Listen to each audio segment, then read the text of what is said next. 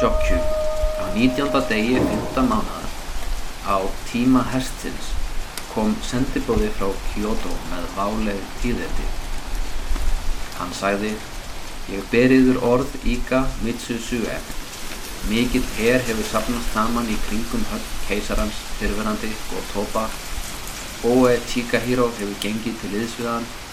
Sayonji Kinsune úr keisaralega varðliðinu sendi okkur viðvörun svo ég gætt afsaka mig frá því að taka þátt í bófeimikefninni sem hann hafi búið til. Hann mun þó á nokkur svafa láta mig finna fyrir bræði sinni áður en yfir líkur. Stuttur setna, á tíma geitarinnar, sama dag, kom annar sendibóði frá Kyoto og tilkynnti að Sayonji Kinsune hefði verið handsamaður af mönnum keisarættarinnar.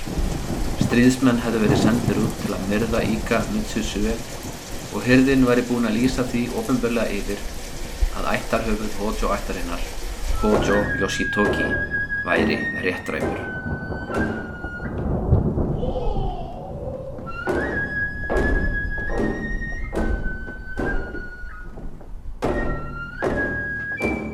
Nokkurn veginn svona hefst frásögn Asuma Kagami af Jokju stríðinu, skrifið 50 árum síðar og við ættum auðvitað að hafa í huga nú í þessum þætti þegar ég les úr henni valda búta að hún er skrifuð af sigurvegurum stríðsins.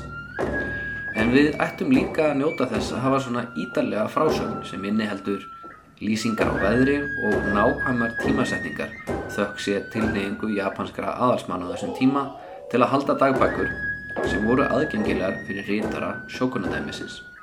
Svo við skulum búta þetta aðeins niður og byrja á því að spyrja okkur hvað er Jokju stríðið og hvaðan kemur nafnið? Hver er þessi Jokju? Jokju er reyndar ekki þáttangandi í stríðinu, ekki einu sinni persóna. Hann er tímabil frá þeim tíma þegar stjórnusbyggingar við keisræðhyrðina gáfu tímabilum nöfn. Jokju er þryggja ára tímabil, cirka árin 1219 til ársins 1222. Ímislegt annað er að gerast í heiminum á Jokju tímabiluna að sjálfsögðum. Gengis Khan er til dæmis að hefja innrásina inn í mið-Asíu.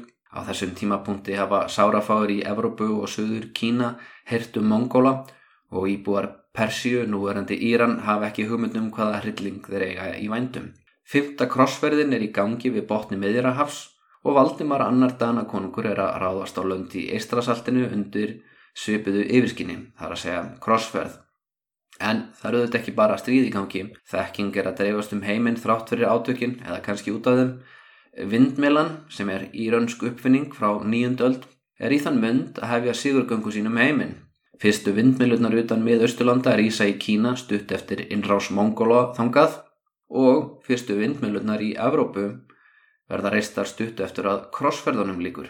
Jokju tímabilið í Japan hefst á frekar dramatískan hátt. Þann 27. fyrsta mánuðar fyrsta árs Jokju tímabilsins, það er að segja 12. februar árið 1219, er sjókonin Sanetomo að ganga upp tröppur í ættarhofi sínu í Kamakura. Hann er komin halva leið upp tröppubugangin þegar út undan snæfið þögtum trjágróðurinnum stekkur ungur munkur og heggur hann niður á samt konfúsíska fræðimanninum sem var svo óeppin að hafa stíð inn fyrir ættarhöfuð Hojo ættarinnar sem var það heppin að hafa forfallast á síðustu stundu. Um þetta var fjallað í þættinum drukni sjókunin og þið viti því að ungi munkurinn var frændi sjókunsins og að sjókunaveldið stóðu nú frammi fyrir krísum því þeir höfðu enga Karlkins arftaka til tæka. Nú, þið viti líka sem hlustuðuð á síðasta þátt að Hojo-ættin fór strax að semja við keisarættina um hugsanlegan staðgengil. Sei Tai Shogun er virðulegur embættistitill sem ekki hvaða ætt sem er getur borið. Það vissi Hojo Masako, konan sem stýrði Kamakura bak við tjöldin, mæta vel. Helst hefði hún viljað hafa einhvern ungan Karlkins afkomanda, einhvern afkomanda sinn og Yoritomo sem hún gæti stýrt landinu fyrir en úr því slíkir menn voru vandfundnir þá brá hún að það ráð að ósku eftir keisaralegum prins. Það kann nú engin efast um að blóðið í slíkum kandidat væri göfugt og keisaralegi prinsar voru hvort sem er í góðri þjálfun við að sinna innihaldslausum serimónium meðan aðrir sátu við stjórnar taumana. En þetta gekk ekki upp út af ómögulegum kröfum frá Gótópa og því ákvað Masako að velja næst göfugustu ættina. Ég held að þið geti gískað hvaða ættanafn þið heyriði næst, svona með að við hvaða ættanafn er næst algengast á eftir keisaraættinum. Ég gef ykkur eina, tvær, þrjár sekundur. Fujiwara Yoritsune var á endanum ákjósanlegasti drengurinn í landinu og var trúlofaður með Takeno Gosho, barnabarni Masako. Hún Takeno Gosho, hver er hún? Hún er dóttir Jóri Iem, þið muni eftir honum, elsti sonur Masako sem vildi ekki leifa móðurætt sinni að stýra landinu, heldur valdan frekar ráðgjafa sína úr fóstur og tengda fjölskyldu sinni. Nú Jóri Iem var myrtur, tengda fjölskyldan hans brann inni á samt eigin konu og sinni, hinn sonurinn sem eftirlifði var sendur í klöstur, en það fann nú ekki böður en svo að hann myrti svo föðubróðu sinn, já, Sanetomo, Sanetomo var sjókun í mörg ár en hann dó að þess að eignast börn og allan hafi ekki verið ófrjór með að við það að hann hafði bæði eiginkonu og allar þær hjákonur sem hann vildi. En hann dó þó ekki án þess að ætlaða þess að takin á Gosho sem er svo litið undarleg ætlaðing frá svona nútímalugu sjónurhóðni og hann gerir það að kröfu frá Masako. En þetta er mjög skiljanlega ákverðun bæði politíst og líka tilfinningarlega, ég meina Masako vil kannski ekki sjá uh, síðasta eftirlifandi barnabart sitt endur út á gödunni en uh, þetta hefur sína kosti því að takin og Gosho er þar með þar með óendeilalega arftaki Sanetomo hún er nú þegar óumdeilanlega arftaki Jóri Íem hún, ef hún væri með getnaða lim þá væri hún óumdeilanlega næsti sjókon. En eins og þið vitið þá er það algjört grundvallaratrið þegar það kemur að því að gegna ofnbjörnum ennbættum að maður hafi getnaða lim. Þannig að það var að finna einhvern annan einhvern annan sem, sem geti gifst henni. Nú, takkin á Gosho hún giftist eða var öllu heldur trúlofuð þessum Fujiwara Jóri Tsune hann var bara tveggjára og hún var orðin 17, það er 15 ára á millið þeirra. En uh, já þetta var snjált move politist því að það er í rauninu alltaf hægt að efast neitt um, um, um ættir þessa fólks og, og, og hvernig þær ættir gefa þeim etna, umboð til að stýra landinu. Hann hann er ekki bara uh, úr megin línu Fujiwara ættarinnar heldur er hann með smá Minamoto blóð því að amma drengsins var sýstir Minamoto no Yoritomo stopnanda sjókunadæmisins hann er að það má nú eiginlega segja að hann sé svona allavega einn fjörði Minamoto alveg eins og hann Yoritomo var eh, hálfur Fujiwara og Fujiwara í móðurætt. Og við skulum ekki velta okkur of mikið upp úr þessum heldur uh, vikið okkur að því hvað gerist eftir morðið á Sanetomo Óbemberlega séð þá eru deilendurnir í stríðinu sem brýst út uh, tveimur árum eftir andlátt Sanetomo, keisarin Chugyo og hinn verðandi sjókon Fujiwara Yoritsune. En það er að sjálfsögðu ekki þeir tveir sem ákveða að fara í stríð. Chugyo er fjögur ára gammal drengur og það er afi hans, Gotoba, sem bóðar til bókfimi keppni í mæmánuði árið 1221 til þess að geta sapnað saman í leini hópi stríðsmanna á þess að það veki of miklar grunnsendir. Og það eru þetta heldur ekki Yoritsune sem kalla til herlið til að verjast allugu keisarans. Hann er jú bara tveggjára, svo það er uh, föðurama eiginkonans Hojo Masako sem sér um það. Svo í raun og veru þá má segja að á peðin á borðinu það eru badnabönnin og það er ein amma og það er einn afi sem er að deila um yfiráðin í landinu. Og byrjum núna aftur á byrjuninni. Á 19. degi 15 mánadar á tíma herstins kom sendibóði frá Kyoto með váleg tíðindi og hann ber uh, til sjókunadæmisins orð Ika Mitsu Sue. Uh, Sankvæmt þessu forna dagatali Japana þá er 19. dagur 15 mánadar, þetta er tunglmánuður en uh, þetta er einhver tíman í lok mæ því að japanska árið í þá daga byrjaði þarna í miðjum í janúar gæti að farið inn í eh, februar en, en við erum svona að tala um það mið í janúar er, er þá sem árið byrjar yfirleitt á þessum tíma og uh, þannig að það er þægilegt fyrir okkur að 50 mánuður er mæ og 19. dagur 5. mánuður þetta er einhvern tíman í lok mæ tími hestins það er hádegi og Ika Mitsusu hann er í ennbætti Shuko sem ég hef nú einhvern tíman sagt frá en ef við ættum að þýða það yfir eitthvað hugtak sem við skiljum þá var hann svona ígildi yfir lauruglustjóra hér að stómar og síslumanns í Kyoto. Og hann er einn af tveimur mönnum sem sjókunandæmið hefur útnefnt í þá stöðu. Og hann tilkynir sem sagt að mikill hér hefur sapnast saman í kringum höll keisarans fyrirverandi og svo segir hann líka að Oe Chikahiro hafi gengið til liðsveðan sem er slæmt því þetta er hinn sjúkóin og það þýðir að helmingurinn af liði sjókunadæmisins á svæðinu er búið að ganga til liðs við keisarættina. Uh, Sayonji Kintsunni úr keisararlega varðliðinu, hann sendir viðvörun uh, til þessa íka um að það sé eitthvað grunnsalit í gangi að það sé ekki bara bókfimi keppni, það er allt á mikið af stríðismönnum sem eru þarna til þess að þetta líti eðlilega út. Og ég mun örgulega að tala aðeins meira um hann í einhvern tíman í framtíðinni en Sayonji Kintsunni hann hefur náttúrulega sínar ástæður til að svíkja keisaran þó hann sé meðlumir í keisarahyrðinni því að Fujiwara Yoritsune er barnabarn hans. Hann er að auðvitað vill hann gætna hann sjá að, að barnabarn hans verði sjókan hann er að þó hann sé innmúraður inn úr hyrðinim og, og enda er hann Fujiwara Fujiwara er nú alltaf aðna inn í hyrðinim þá er hann með hagsmunni utan hyrður hennar líka og hefur ríka hagsmunni því að, að sjá uh, völd sjókansins aukast.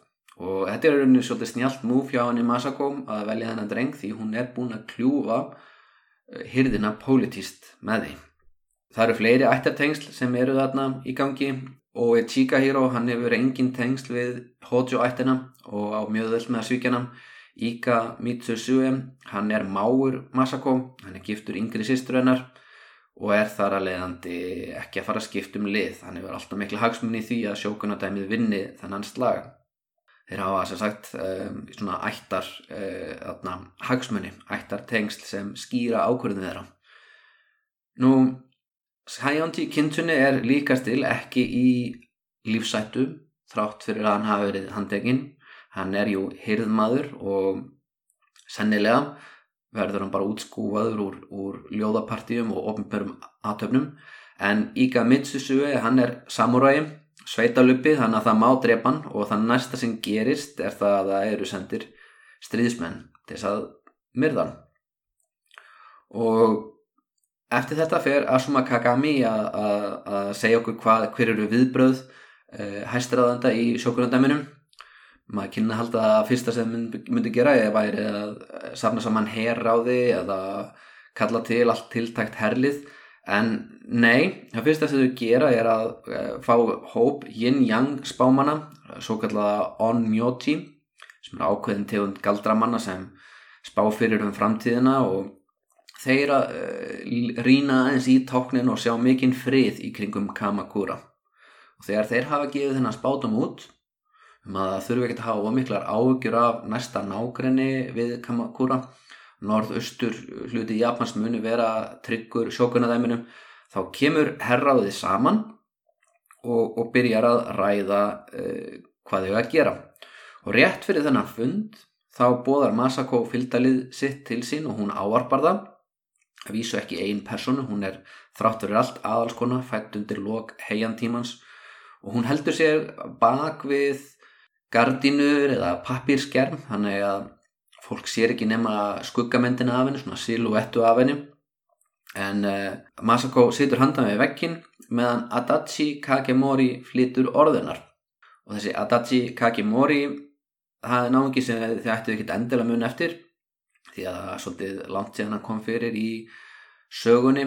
En Masako hún bjargaði honum einu sinni frá útlegð eða jafnvel dauða á þeim tíma þegar elstisónur hennar var sjókun því hún uh, talaði fyrir, gegn því að Adachi er því sendur í útlegð. Og eftir það hefur hann Adachi Kakimori verið helsti stuðningsmaður hennar og bandamaður pólitíst og hann er greinlega þann á henni en að hún verð treyst til að flytja ræðu í hennar nafni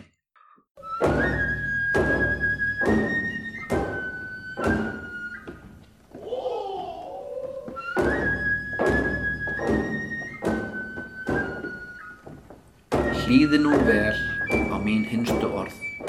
Síðan Yoritomo, eiginmaður minn og sjókan barði niður óvinni hyrðarinnar og stopnaði ringistjórnina í Kamakura hefur ykkur verið umbunað með landaregnum, tittlum, embættum og verðlaunum sem rýsa herra en fjöllin og ná dýbra en hafið sjálft. Og þið hljótið að vera ólmir í að endurgelda þær skuldbindingar sem þessar gjafir fjöla í sér. Vegna rætina, tungna, sveikara við hyrðina hefur óréttmætt fyrirskipun nú verið gefin út í nafni keisarans. Þeir ykkar sem meta orðstýr sem einhvers hljóta vilja drepa Hideyasu og Taneyoshi og aðra svona svíkula ráðgjafa um leið og þið getur til þess að tryggja arfleð þeirra að tryggja sjókuna sem þið hafið þjónað. En ef einhverjur ykkar vilja ganga til liðs við keisaran fyrirverandi þá segir bara til og þið megið yfirgefa samstundis. Engin stríðsmaður vildi yfirgefa nunnuna með tár í augum sögðu þeir fátt en þeir voru reyðubúnir að endugreiða skuldir sínar til eigin manns hennar með lífi sinu. Eins og máltæki segir, diggir og hliðhóllir þegnar byrtast ætíð þegar ríkið er í hættum. Nú, Asuma Kagami er náttúrulega skrifað af sjókunadæminu og þetta er áróður. En þið heyrið þarna hversu þung áhersla er lögð á eiginmann Masako, stopnanda sjókunadæmisins og hversu lítið í raun lögmæti þessara ríkistjórnar er. Ég meina að Bakufu merkir tjaldstjórn upprunalega, eh, tjaldstjórna því að eh, hersöðingjar á vývelli hittast í tjaldi og þetta er svona bráðabyrðarstjórn sem er að stýra landinu að meðan það eru stríðisátök en það er náttúrulega ekki búið að vera neyðar ástand í landinu beinlinist síðan eh, Yoritomo sigraði borgarastriðið ekki nema bara svona einhverja skærur á milli samúræja ætta til að slást um völdin innan í þessari tjaldstjórn. Títillin Shogun eða Sei Tai Shogun það merkir uh, hersauðingi sem að sigrar villimenn. Eru náttúrulega fáir villimenn eftir í Japan. Það er búið að hrekja það allar norður eða eða þannig. Þetta er mjög rámt að kalla ænu fólkið villimenn eða hverju svo sem þessi emishi voru. Voru vantilega bara bændur sem ekki kærðu sig um að greiða keisaránum skatt á sínum tíma svona fyrir mestanpart en þeir eru kannski svolítið að þessu að lögmætið er svolítið vafasamt. Það þeir, sko, þeir þurfa að halla sér upp að ekki mannsinn sem sigraði borgarastrið fyrir meira en 30 árum síðan, nánast 40 árum síðan. Er, þau eru á, á þunnum ís, svona upp á, upp á lögmötuð að gera, því að meiri sér títillin sjókun það er eitthvað sem að keisarinn hefur gefið sínum uh, tryggasta þegn, eða svo maður segja, og ætti lagala síðan vera í hans höndum að afturkalla það og, og nú eru meiri sér engir Karlkins erfingjar Jóritómo eftir. Heldur þurfti að finna einhver drengur, einhver annari ætt sem að keisarinn hefur neitað að staðfesta sem sjókun já, þetta er, þetta er allt saman frekar vafasamt. En að þessari ræðu lokinni þá hittir Masako bróður sinn Hojo Yoshitoki sem er ættarhöfuð ættarinnar og hún hittir líka helstu ráðgjafa hans. Og ráðgjafarnir er ekki allir sammálum hvað þeir ættu að gera. Enginn gæti vita með vissu hversu stóran her keisarinn hafði, hvort að allir samúræðir í vestur og söður hluta Japans hefðu svarað kallinu, það voru náttúrulega mjög margir sem á sínum tíma börðust með tæraættinni í söður og söður vestur hluta Japans. Og nú er þetta náttúrulega sinir þeirra sem eh, eru samúræðir á þessu svæði, ekki mjög margir enþá lifandi eh, síðan síðustu viðregn en það getur vel verið að mjög margir telja sig að harma að hefna og, og lítið þetta sem kjöri tækifæri til þess að eignast einhverjar góðar landaregnir í norð-austur hluta Japans. Þeir varkarost í hópnum, þeir vilja manna virkin með fram strandlínunni og í fjallaskörðunum og tryggja þannig að óvinna hér komist ekki frá Kyoto. Og þetta ætti að vera tiltölulega auðvelt því að mörg þessi fjallarskörður eru frekka þraung, vegur með fram strandlínunni er líka þraungur og á sínum tíma þegar Jóri Tómo uh, var að berjast gegn tæra ættinni en var ekki komið með stóran her, var ekki reyðubúin í stóra átök það náði hann einhver síður að verja kantósvæði mjög öðla út af því að uh, fjallarskörðin í gegnum Hakoni eru bara einfallega mjög þraung og tæra herlið náði ekkert norðan yfir atna, Fuji atna, fljót sem eins og nafni kýr til að kynna er nú ekki langt frá fjallinu Fuji. Og það hann tíma þess að sapna hér á einni stærstu sléttu Japans og endanum uh, senda yngri bróðu sinn suður með stort rittarælið mörgum árum síðar það er að segja. En uh, aðrir þeir vilja sapna samanliði og senda suður frekar heldur en að, pakka í vörð og samkvæmt Asuma Kagami þá var það Masako sem á loka orðið Hún segir við verðum að kalla til Abu Sanemitsu frá Musashi og senda hann tafalöst suður með herlið. Þannig að já, Masako verist þér á þeirri skoðun að, að hika sér það saman á að tapa. Og það getur verið að það sé rétt hjá henni því að ef sjókunadæmið sínir veikleika þá gætu fleiri tækifæri sinnaðir samúræðir stokkið á vagnin sem annars myndu ekki freistast og það er hennar skoðun sem ræður úsletum en þá hefst byð eftir rittaraliði frá Musashi því að það þarf að senda skilabóð til þess að kalla það til.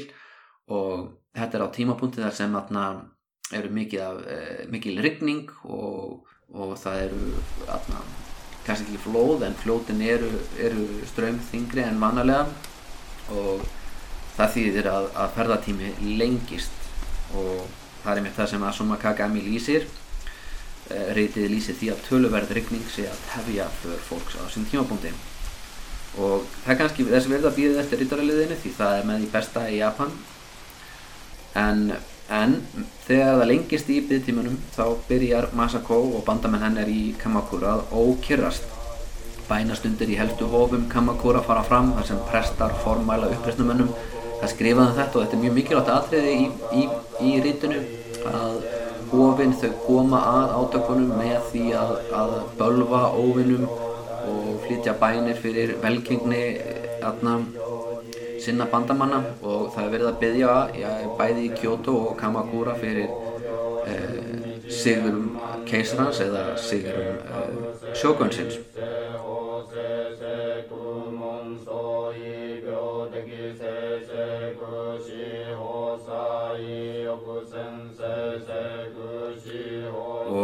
og að næsta sem fréttist er það að þarna hirðin vinnur sinn fyrsta sigur því að Iga Mitsisue hann fellur í bardaga og Kyoto, gamla höfuborgin, er nú alfarið í höndum Gotoba. Og nú fara meðlumir í herraðanu að deila innbyrðis um hvort það sé rétt ákvörðan að býða eftir reytaraliði frá Musashi eða bara senda allt tiltækt liðið söður og eftir að hafa beðið í tvo daga þá fer Masako að fund prestins Senshin þetta er búttískur svona Sen-prestur og hann ráðlegur henni að senda bróðursónennar Yasutoki strax frekar hann að býða eftir liðsöka og það á endan verður ákvörðunin. Á 20. og öðrun degi 15 mánadar hjælt Yasutoki af stað. Það var skíjað og léttur regnúði segir fornreitið sem sínir hversu ídælegar upplýsingar er að fá úr dagbókum fólks á þessum tíma. Fólk skrifar yðurlega hvernig veðrið er, jafnvel klukkan hvað. En eh, maður gæti nú nánast gískað á það því að, að núna er að, erum við komin í, í byrjun júni og það er mikil rytning í snemma sömars í Japan. Og það getur verið þrúandi hiti, það er leðja á vegunum og það getur verið örskriður En einhvað síður þá heldur Yasutoki af stað í fyrstu með tiltölulega fámennlið en hann gerir áþrið að mæta fleira liði á leiðinni, jafnvel einhverju reytaraliði frá Musashi og öðrum fylgjum áður en hann kemur til höfuborgarinnar. Og þetta endar á því að það eru þrýr herir að fara þrjár ólíka leiðir. Ekki síst til þess að tryggja það að, að, að Kyoto geti ekki sendt eh, herlið óvænt eftir einhver annari leið og náð inn á kantorsvæði. Þannig að og nú ger ég svolítið út af því spennuna í, sem ég er búin að skapa þessum þetta því að með því að segja ykkur tölurna sem að, að Asuma Kagami gefur okkur eh, það eru 190.000 hermenn á ferð frá norðaustur hluta Japans söður í áttuna Kyoto. En herliði sem hefur svarað Kalli Gotoba sem hefur mætti þessa bókfimikeppni og, og lofaði að berjast í hans nafni nú það eru 12.000 manns hann með 12.000 manns sem er einugis brotabrót af þeim samuræjum sem búa í af Japans sem sýnir það að fáir hafa trú á málstæðunum eða áhugaði að berjast fyrir hann. Það sem virðist af átt til stað er algjört ofmat góð tópa á eigin pólitísku stöðu. Fólki sem svarar eh, kallans virðist fljótt átt að segja á þessu en það virðist vera erfitt að snúa baki við það núna fólk eh, samt sem áður þá, þá bara strax þegar Yasutoki fyrir við tennurjúfljót í miðjum júni uh, og, og sigrar það sín, sína fyrstu sigra þá, þá byrja sumir að svona bakka út úr þessu. Það er vætusamt en það eiga átökinn sem staða á jæraktímabiliðunum og þetta tefur allt fyrir herliðinu en herliði verðist samt vera nokkur neginn óstöðandi. Fyrsta orustan þar sem herlið keisarættarinnar uh, mætir uh, Yasutoki á sér staði við Gammon fjall þetta er 60 manna uh, keisararlegt herlið sem er að koma sér fyrir í virki en það mætir algjöru ofurefli og já, veist, lýsingarnar eru nokkur neginn svona 30. dagur 5. mánadar Hojo Toki Fusa kom til Hashimoto í Totomi héradi um tíu hermenn reynda að læðast í gegnum risavaksnar herbúður hans en voru fangaðir. Samuræin Uchita Shiro yfirherðið þá og eitt þeirra hrópaði Nafn mitt er Tsukui Taro Takashike. Moritsuna fyrir um landstjóri Shimosa sem þjónar Gotoba er ættingi minn og ég er á leið til höfuborgarinnar. Þeir voru teknir af lífi. Já, þetta er frekar einfalt. Eh, þetta er frekar svona svona uh, nýtmiðaður texti og, og maður getur ekki annað en bínlítið vorkjandi þessum tíu manns sem eru að reyna að læðast í gegnum mörg þúsund manna herlið eru gripnir og mæta örlugum sínum með býstna miklu mikilli hútir sko, má segja. Og Asuma Kagami reynir í raun ekki að láta afreg Hojo ættarinn að verða stærri með því að íkja tölur þeim í hag veist, þarna, því þeir gætu látið eins og Gotoba hefði stærra herlið eða eða eh, þeir hefðu unnið frækna sigra gegn atna, stærri herjum. En þessi staði er það yfirleitt þannig að það eru fámett herlið sem berst nokkuð hetulega og næra fella rosa marga en á endanum þá er, atna, eru yfirbyrðir norðaustur samáræðina allt of miklir bara upp á fjöldan að gera. Í byrjun sjötta mánadar þá herðast átökin, keisarherðin fregnir að risavöksin her síðan nálgast Þeir senda herlið í allar áttið til að verjast í fjallarskurðum norðan Kyoto. Á sjötta degi sjötta mánadar fór hluti af herliði sjókunadæminsins e, yfir við Mamedo og hermenn keisarans hörfa á þess að skjóta örfum því þeir sjá að staðan er vonlaus. En eitt þeirra, hann nafni Hisatsuna, plantanuði fána og hann skrifa nafsitt á hann og hann mætir öðrum herfóringi í einvíi og þetta er mjög dæmigert fyrir barda á þessum tím og ég oftar að segja frá svona viðbyrðum oftar þegar við fyrir mútið í annu stríð Samuræðir í byrjun 13. aldar eru oft í litríkum og ábennandi klæðum eh, þeir tilkynna nöpsín og skora á aðra háttsetta samuræði í einvíum og það er mikil upphefð sem fælst í því að fell einhvern annan samuræja ekki einhverja svona uh, bóndahermenn sem er búið að rétta spjót. Náttúrulega meirilutin af hernum eru einhverjir bændur sem halda á spjótum og, og hafa ekki haft mikið um að segja hvori hliðinu þeir eru að berjast fyrir. Þeir eru bara dregnir inn af, af landeigandunum uh, sem, sem er sá sem hefur kannski eitthvað raunulegt val um hvaða fylkingu hann ákveður að tilera en þessi uh, landeigandur eða fólk úr þessari landeiganda stjætt samuræða stjættinni nú þeir uh, berjast hvori við annan og þeir eru er oft launað af yfirbóðum sínum í hlutfalli við hversu marga menn þeir fella og það náttúrulega er mest upphefð í fólkinni því að fella einhvern sem er e, frægur eða skiptir einhverju máli og þeir eru ofta að reyna að finna hvern annan. Þess vegna eru báðar fylkingar mjög litríkar og áberandi af því að e, menn vilja gerðnan e, berjast við einhverja hátsetta einstaklinga og hátsettir einstaklingar vilja oft fá að berjast við sem flesta til að sanna sig fyrir sínum yfirbóðurum og já, þetta náttúrulega áttur að breytast nokkur hundur árum síðar þegar skotopn koma til sögunar en um, þetta er svona mörguleiti svolítið svona, svolítið rittaralegt, þetta er svolítið fallegt það er svolítið romantík yfir þessu. En uh, við meðum náttúrulega passa okkur á því að hversu mikið við trúum þessum, uh, þessari romantík líka því að mena, það er nú bara mannlegt að vilja halda lífið sínu og, og þetta er náttúrulega skrifa 50 árum setna og, og er áróðursritt uh, hann greið Hisatsuna hann deyr í einvíinu uh, en það er samt uh, hann mætir þarna ofuröfli liðs og, og veit í sjálfu sér að hann er að anúti opmundu eða hann myndi halda sko uh, kannski að, að ef hann, ef hann hefði tekist að sigra sitt einví en að hann hefði fengið að, fara en ég er svona skeptískur á það en allavega á 8. degi 7. mánuðar, 2 myndum síðar við erum enþá um mitt sumar uh, þá berast fréttir til Kyoto að orustan þarna við Mamadó hafi tapast og nú er herin í innan við sólaringsfjallað, örvænting dreifist meðal hyrðarinnar en Gotoba hann sendir út þrjá aðalsmenn til að verja Uji fljót, Seta og Tavara.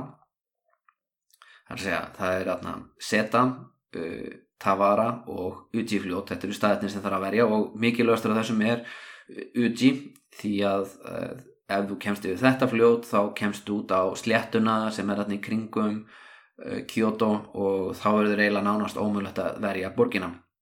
En á meðan aðalsmennir búa sem til stríð þá flýr keisarættin sjálf. Gotoba og sínir hans reyna að leita skjóls hjá munkonum í Híafjalli og þarna er greinilegt að fornritið er að reyna að gera lítið úr Gotoba því hann er látin klæðast kvennmannsfötum og fela sig undir sóllíf til að dulbúa sig en Mér grunar að það sé vittlisa því að það er engin tilgangur í að dulbúast áður en að herin er komin. Það er þráttur allt, allt alveg meir en sólaringur í hann og, og þegar hann kemur þá menna þurfa að berjast við fylgjendur hérna, keisarans þannig að ég er efinsum að hann þurfi strax að vera í dulbúningi. En Gotoba hann er að reyna að byðla til munkana upp á híafjalli eins og reyndar uh, menn hafa gert áður í fyrir borgarastyrjöldum en það fær því meður sama svar og síðast munkarnir upp í Enryakuji þeir eru með stort herlið og þeir gætu jafnvel að ráðu úslutum í orustu.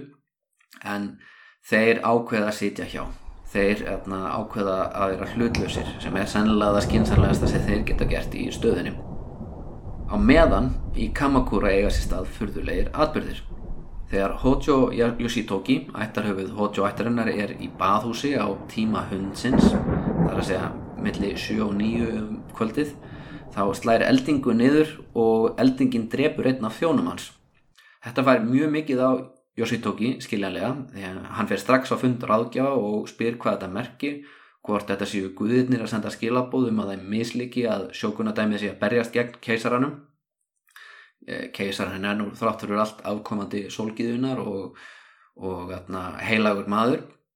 Eh, ráðgjafin hann eh, revjar upp að eitt sinn hafi eldingu slegið niður í herbúðum Jóri Tómó stuttu áður en sjókuninn vann sinn fullnaðar sigur í borgarastriðinu og hann kallar á fundið þeirra hóps bámanna sem komast þeirri niðurstöða að eldingin hafi verið góður fyrirbóðum og nú veit ég ekki hvort að þessi hópur spámanna hafi mátt komast að einhver annar en niðurstöð, ég er svolítið efisum það líka en ég hef nú ekki mikið vit á fyrirbóðum og, en ég lefi mér allan að efastum það að þjóttin sem varð fyrir eldingun hafi, hafi deilt þeirri skoðan að eldingin hafi verið góður fyrirbóði en hvaðan um það? Þetta er tólkað sem góður fyrirbóði og, og Yoshitoki hann panikar ekki og, og stöttu síðar þá fær hann skilabóð frá aðstapresti Suva Hofsins og það sé verið að byggja til stríðskuðsins söfa um sigur fyrir sjókunin og með skilabóðunum þá kemur kvittun sem vottar fyrir bænunum. Og e, þetta er mjög svona skemmtileg hefð sko. Þar að segja sko hóf sem er að byggja fyrir keisarunum þau sendu honum kvittanir fyrir því að hann sé að fá bænir frá þeim. Og síðan eru hóf sem er að byggja fyrir e, sjókuninum þau senda sjókunadæminu aðna kvittanir.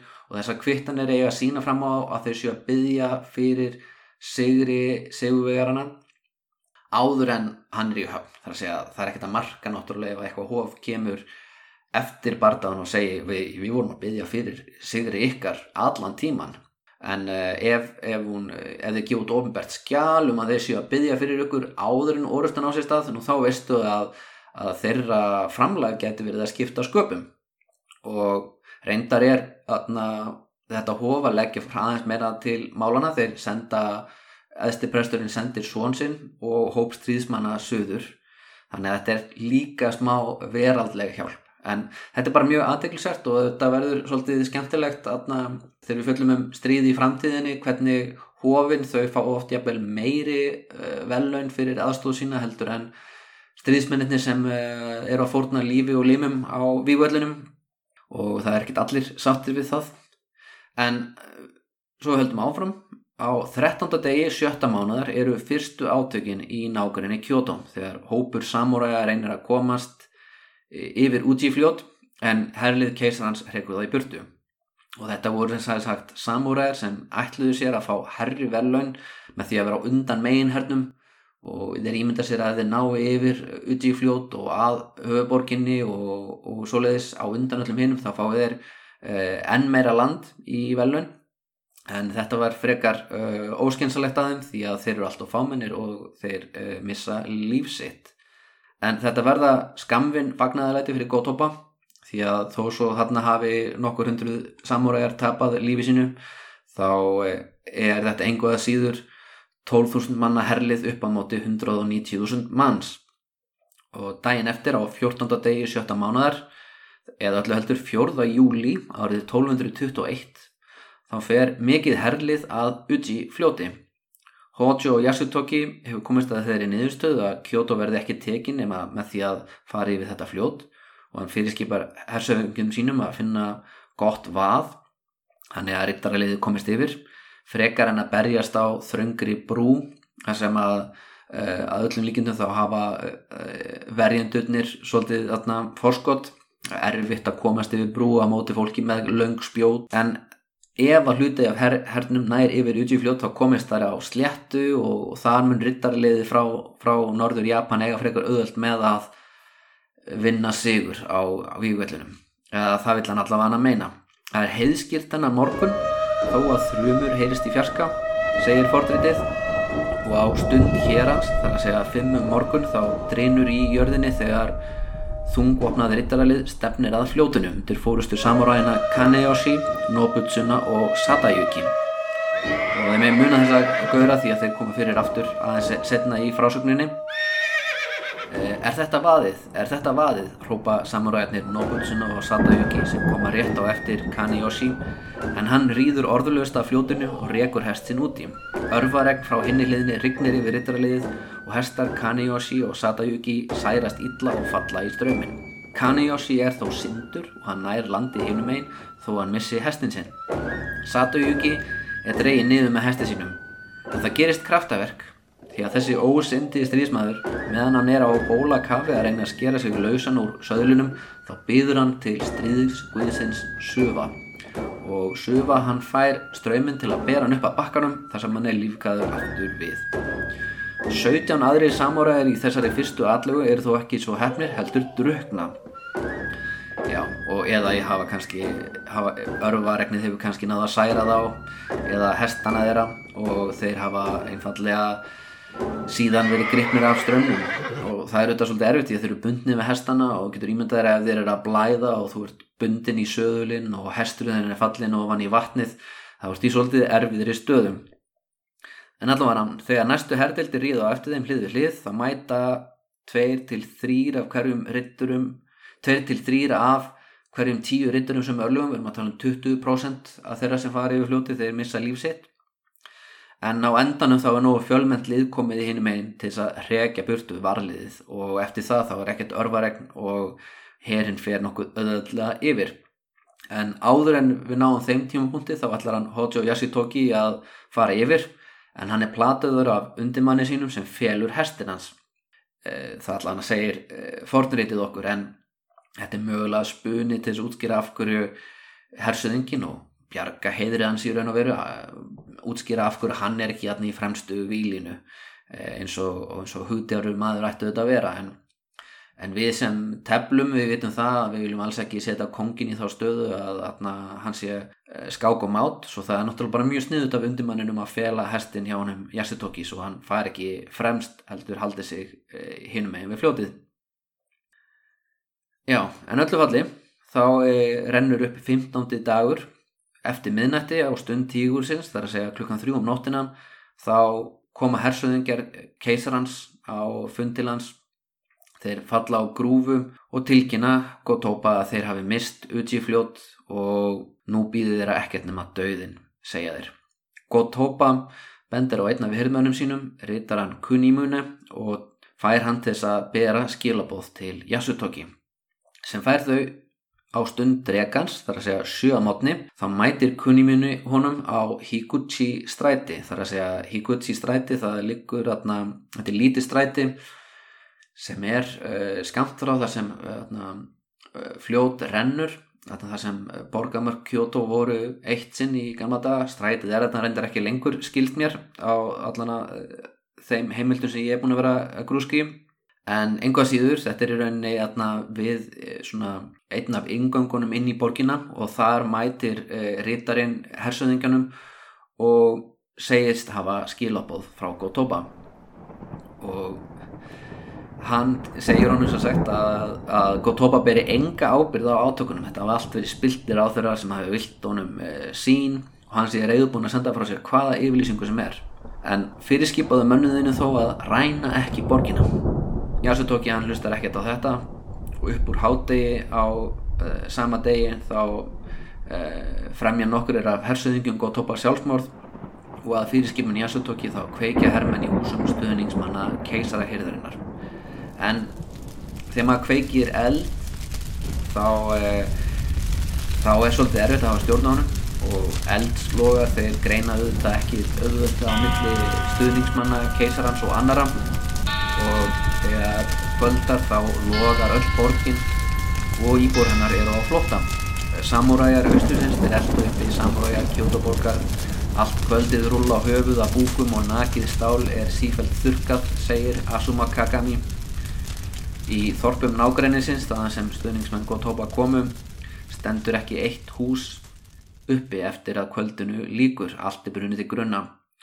Og ekki bara húsin heldur líka agrar að morgni 16. dags var Yasutoki búin að koma sér fyrir í Rokuhara höllinni og byrjaður að dæma menn til döða og náða eftir atvökum og hér kemur einn svona erkitypisk samuræðasaga, maður að nafni Sasaki Tsunetata er flúin hann er gammal maður sem barðist með Yoritomo í Heike stríðinu, fyrsta borgarastriðinu en uh, hann er múin að síðan þá uh, skipt um lið hann ráðlaði Gotoba í þessu stuttastriði en út af sínum gömlu tengslum við sjókunandæmið þá hyggst Hojo Yasutoki náðan. Hann sendi skilabóðin út til eh, hersöðingens en þau kom alltaf sent því að Tsunetaka er þegar búin að særast til ólífis hann er búin að reka sverði gegnum búksinn en hann er þráttur það sóttur og hann er borin eh, meðdundarlaus inn í salin þar sem hersuðingin situr og Yasutoki hann muldrar hann draf sig þrátt fyrir skilabóð mínum að honum væri fyrirgifið þetta var ekki það sem ég vildi. Og við það vaknar Tsunetaka brosir breytt til Yasutoki og gefur svo andan. Og eins og með margt annað þá veit ég ekki sannleiksgildið í þessu en þetta er svolítið uh, skemmtileg pæling. Það er svona svolítið verið að í að ég finnst mér að Tsunetaka hefði tekið lífsitt sama hvað, þannig að nokkur neginn ánaði með hvernig þetta fór ánaði með að, að hafa einhvern veginn náða að, að, að eh, já, valda Yasutoki í vonbriðum á 17. degi kemur svo annað svona svolítið skondið aðvig, það er rífist heiftalega innan herbúða Yasutoki um hvaða stríðsmaður náði fyrst yfir út í fljót þetta skiptir þetta svolítið máli því að fólk fær verðlun eftir svona afregum og, og, og ef þú ert fyrsti samúræðin sem kemst yfir á bakkan hinnum einn þá máttu gera ráð fyrir að fá alveg uh, þokkalega landaregna launum. En uh, það er sérsagt deilan er þannig að Kaneyoshi og Nobutsuna sem letu fyrstu allugun yfir fljótið þeir fara á fund Yasutoki til að skera út um hvort þeirra var, var fyrstur yfir. Þeir munið að Kanyoshi hann misti hestin sinn, hann náði að synda yfir, Nobutsuna hann náði yfir á hestbæki en, en uh, það endar einhvað síður á því að Satayuki, maðurinn sem að næstuð því druknaði en bjargaðist fyrir kraftaverk, hann er látið byrja vittni og hann segir að hann haldi að Nobutsuna sé maðurinn sem náði fyrst yfir en hann er ekki alveg viss, honum síndist Nobutsuna vera á undan Kanyoshi rétt áður en hesturinn hans var skotið niður og hann fór á bóla kaff. Þannig að Hojo Yasutoki hann segist ætla að setja það í skýrslu sína að Nobitsuna hafi náð fyrstur yfir en einhver síður þá ætla hann að velnuna Kanayoshi alveg eins og ef að hann hefði náð fyrstur yfir á bakkan hann er svona að reyna friðan. En, en Kanayoshi hann vil ekki lusta það hann fyrir fílu ég hef vel þó svo hersuðingin segja að hann muni að fá að launum hvaða jörð sem hann byður um. Og þetta er, þarna, já, svolítið skondið. Þarna er uh, blandast saman kannski ekki bara, þú veist uh, beinharðir hagsmönir heldur líka uh, stolt fólks svo er mjög fallegur kapli sem ég ætla ekki að rekja nú en það er frásögnum það hvernig einum af stríðsestunum sem var særður í skotriðinni er á endanum bjargað af mjög færum dýralækni sem gleður stríðsmennina opbúslega mikið og sínir kannski hvað hestarnir eru mikilvægir fyrir þeim. En ég ætla að spóla þessi við það þó svo að það sé svolítið merkilegt að hestar og knapar séu nafngerindir svona og, og, og fái sér kapitula út af fyrir sig. Og við skulum stökku yfir í pólitísku afleiðingarnar af öllu þessu blóðbæði. Nú, Gótopa og sinir hans og barnabögn eru sendi í útleð. Gótopa er sendur til eigunar Oki sem er lítil eiga og þar mun hann dvelja og skrifa ljóð og reynda að smíða sverð í nokkar áratíði meirum það í næsta þætti kannski en ættalína hans, hún missir keisara tignina er að segja sínir hans, þeir e, sumir hafa þeirra hafa verið keisarar, aðrir hafa verið að gegna öðrum ennbættum, hann á mjög marga síni en enginn þeirra verið keisari e, hann á eitt badnabann sem var, var nýverið búið að gera keisara það missir stöðu sína þrátt fyrir að vera augljóslega sem fjagar ára einstaklingur ekki beinleinis Eh, ábyrt fyrir því sem eh, gerðist hann á fjölmörga aðra sonar sinni sem ættu lagalega séð að geta orðið keisarar en þeir fá ekki slíka upphefð. Það kemur jafnvel til tals að leggja niður keisaraveldið. Og það eru sumir sem hallast að því að mögulega sé komin tíma á Fujiwara ættina í þessu hlutverki. En það verður reyndar ekki niðurstaðan. Keisaraættin í Japan hún á sér í dag að minnstu kosti 1600 ára á sögu þó svo hún haldið í ofnbella fram hún sé í raun 2600 ára gömul. En á þessum tímapunkti þá er hún samt sem áður uh, já, allavegana allavegana uh, uh, 6-800 ára gömul og ha, fólk er svolítið hikandi við að bara le, hreinlega leggja hana niður. Fyrir það að það var aldrei markmið Hojo ættarinnar í þessu stríði. Sjókunadæmið var að berjast fyrir því að viðhalda status quo að, að viðhalda eh, kerfinu eins og það var en ekki að, að, umbreyta því. Engu að síður, góð topa, hann laði allt undir og tapaði og fyrir vikið þá missir hann og bandamenn hans þeir missa 3000 jarðir. Það eru stórar jarðir og, og, og 3000 svona hvað maður segja, þetta eru 3000 sjóen með, með jörðinni þá fylgir eitthvað höfðból, eitthvað, eitthvað stórt sveita setur fyrir vikið þá eh, eru margir samúræðir úr norðausturhuta Japans, einhverjir algjörði sveitalupar, núna allt í unna orðnir stóri landegjöndur í söður hluta Japans sem áttur að hafa gríðaleg menningaleg áhrif. Það er allt, innu, allt krökt í samúræðum á svæðum þar sem áður voru kannski svona já, meira svona aðalsmenn í stíl við, við eh, aðalsmenn heian tímabilsins en já, það er fundin til ungur drengur í stöðu keisara. Eh, þessi ungi drengur er frændi Gótopa, hann er úr keisarættinni og fadir þessa drengs, hann fær titilinn fyrrum keisari þó svo hann sjálfur hafi aldrei verið í stöðu keisara. Hann er að, Hojo-ættin veriðist vera bara mikið í mun að breyta einhver þarna. En auðvitað er keisarættin og keisarættin mjög skölduð pólitíst. Þeir eru búin að missa gríðarlega mikið af landi og gríðarlega mikið af völdum og núna efast engin um það að sjókunadæmið njóti einhvers konar svona blessunar á þú ofan. Ég menna Guðirnir hafa ákveðið að það sé þeirra að stýra ríkinum. Og hinn raunverulegi stjórnandi í Japans á þessu augnabliki nefnist Hojo Masako og arteki hennar Það verður bróðursonur hennar, hersuðingin Yasutoki sem leiti þessa atlugu að Kyoto. Og frásögn uh, Asuma Kagami af Jokyu stríðinu endar á því að gamla nunnan gefur Ísehófinum mikla landaregn í þakkarskinni fyrir sigurinn. Ísehófið er megin hof Solgiðunar Amaterasu sem er formóður keisarættarinnar og það er sagt að þetta sé þakklætisvottur fyrir það að, að Solgiðin hafi uppfyllt spátum og nú kunni þau að spyrja hvað spátum er verið að tala um hérna? Og þá bendi ég ykkur á að hefði hlustið á fyrsta þátt minn um með hann á Hojo Masako þátt ég tók upp fyrir tíu þáttum síðan og átta mánuðum.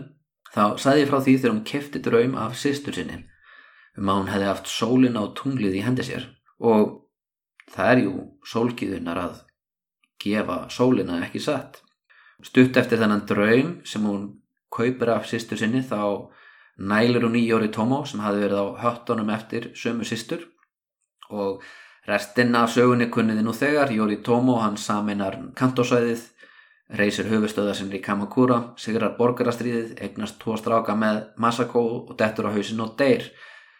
Hann er búin að setja upp einhvers konar kerfi en það er ekkert endilega sérstaklega stöðugt þegar hann deyr. Það er Masako sem á endanum festir það í sessi hún hefur unnið fullnaða sigur þarna hún hefur sólina í hendi sér búin að færa solgiðunni þakklætisvott, búin að velja nýjan keisara og hún er búin að finna nýjan sjókun og, og ekki bara gifta hann barnabandi sínum heldur ætlaða hann formlega. En það er ekki víst að einmaður hennar Masako hafa endilega ætlað sér að vera sjókun eða búa til sjókunadæmi. Hann notaði þennan titil markvist í áráðurstríði þegar hann fór norður á bóin til þess að berjast við stríðsmenn þar. Og á þeim tíma þá, þá gæti hann no, nota þetta til þess að mála anstæðinga sína sem einhvers konar villimenn. Af því að villimenn byggu alltaf í norður Japan og hann var að fara í herliðangur norður á bóin en miða við það að hann var að reyna að gifta dætur sínar inn í keisarættina og að sækjast eftir meiri tillum og meiri upphefð frá Kyoto áðinst og uppskýrað alltaf bendi til þess að hann hafi kannski hugsað sér að stýra Japan undir einhverjum öðrum titli jafnvel aðeins hefðböndanum áta jafnvel aðna ræn einhverjum góðum titli af Fujiwara eittinni og því að hann var nú sjálfur hálfur Fujiwara og, og vera tengdafæðir keisarans það er svona þetta gamla mótel en hann deyr og sínir hans erfa þessa sjókuna stöðu og, og móðir þeirra stýri landinu í gegnum þá. Nú eftir að að við höfum haft þrjá sjókan í röð og núna fjörða sjókanin þá veitist þessi titill ætla að festa sig í sessi og næstu 600 ár þá er Japan eitthvað sem við getum kallað sjókona dæmi og það snýst í grunnum það að sjókonin hann sé aðstur allra samuræja og hann útlýtti þeim landaregnum þó svo formlega séð sé keisarin eh, svona þjóðhöðingi ennþá Hojo Masako stýri landinu nokkur ári í viðbót. Uh, hún, hún uh, lifir samt ekkert ígjað mikið lengur. Hún deyr 69 ára gömul tveimur árum eftir stríðið. Og eftir hennar dag þá er Hojo eittin allsraðandi verður allsraðandi svona í næstu 100 árin. Keisarhyrðin verður algjört aukatriði mjög fáið spáið því hvað hún er að gera og og enn ferri spyrja hann að ráða um hvað eigi að gera og það gefur mér ágættis færi nú til þess að taka ykkur í næstu þáttum í menningarsögulegt ferðalag. Við farið að tala aftur um menninguna, listir og trúabröð og reynda að setja ykkur inn í þetta Kamakura tímabil. Hvað er líka gangi þarna? Hvað er að gerast eh, í landi sem er núna ekki lengur stýrt af keisarahyrð heldur samúræjum sem eru á víð og dreif um landið. En ég þakk ykkur fyrir hlustununa og ég vona að þetta hafi að minnstakosti verið fróðulegt að það var ekki skemmtilegt.